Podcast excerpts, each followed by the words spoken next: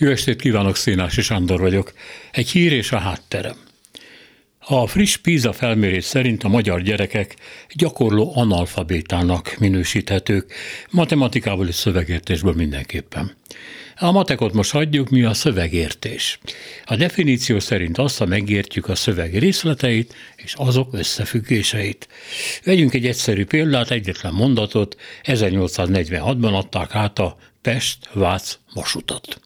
Ezt fogja most a magyar diák szövegérteni. A két település között az út 1846-ban egy órás menetidővel járt, ami most 2024-ben a MÁV hivatalos állítása szerint 47 perc, vagyis a magyar kozmosz modernizációja 178 év alatt 13 perc gyorsulást hozott, ami hát, lássuk be, nem sok, de mégiscsak lenne valami, ha az 1848-as menetidőbe bele nem kéne számítani 10 perc állásidőt is Dunakeszin. Mit árul el mindez, kíváncsiskodik a tanár. Majd felel, ha már kérdezték. Nagyon kurucos eredmény jön ki, ez tény, mondja. Három perc pluszért Petőfi meg nem írta volna azt, hogy száz vasutat, ezeret építsetek, mert leégett volna képéről a bőr az utódok miatt. Akkor már lovon ma is jobban megérné ló meg, szemben amik használható vasúti kocsikkal, van elég. Legutóbb a török elnöknek is jutott. Nem lett véletlen, hogy Lázár János a MÁV mellett a mezőhegyes iménes birtokot is felügyeli, az elnöki ellátmánytól az állománygyarapító fedeztetésig. Átnyergelünk, oszt annyi.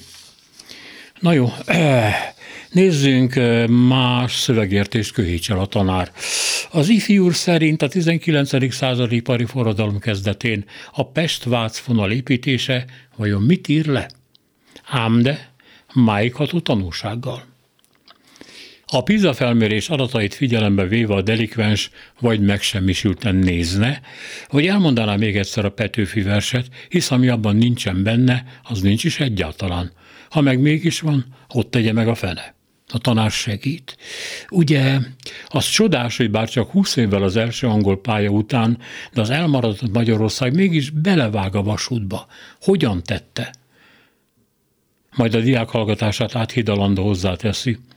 Ugyebár porosz tervekkel, velszi és porosz acéllal, belga gőzmozdonyokkal, illetve echte magyar korrupcióval, ami miatt a porosz tervező hamar le is mondott. Viszont kérdezi a tanár. Viszont utána mi jött? A Pest-Váci vasút. Feleli a szövegértésbe belefáradt nebuló, mire a tanár fellélegezve boldogan kiáltja, hogy ugye megmondtam, hogy hülye a píza. Ugye megmondtam, hogy nem minden gyerek analfabéta, legfeljebb részlegesen. Igen, bólogat. A sok lopás után a magyar zseni két év alatt cakpak mindent összerakott, nem is lenne szabad ma hozzányúlni, mert abból nem három perc előny, de harminc perc hátrány lenne, amit ha Petőfi előre megsejt, meg se születik. Hát ennyit a szövegértésről. A lényeg, te sem tudsz mindent felde tekintetű píza. Nincs még veszve minden, ha Buda nem is, valami még áll az iskolában.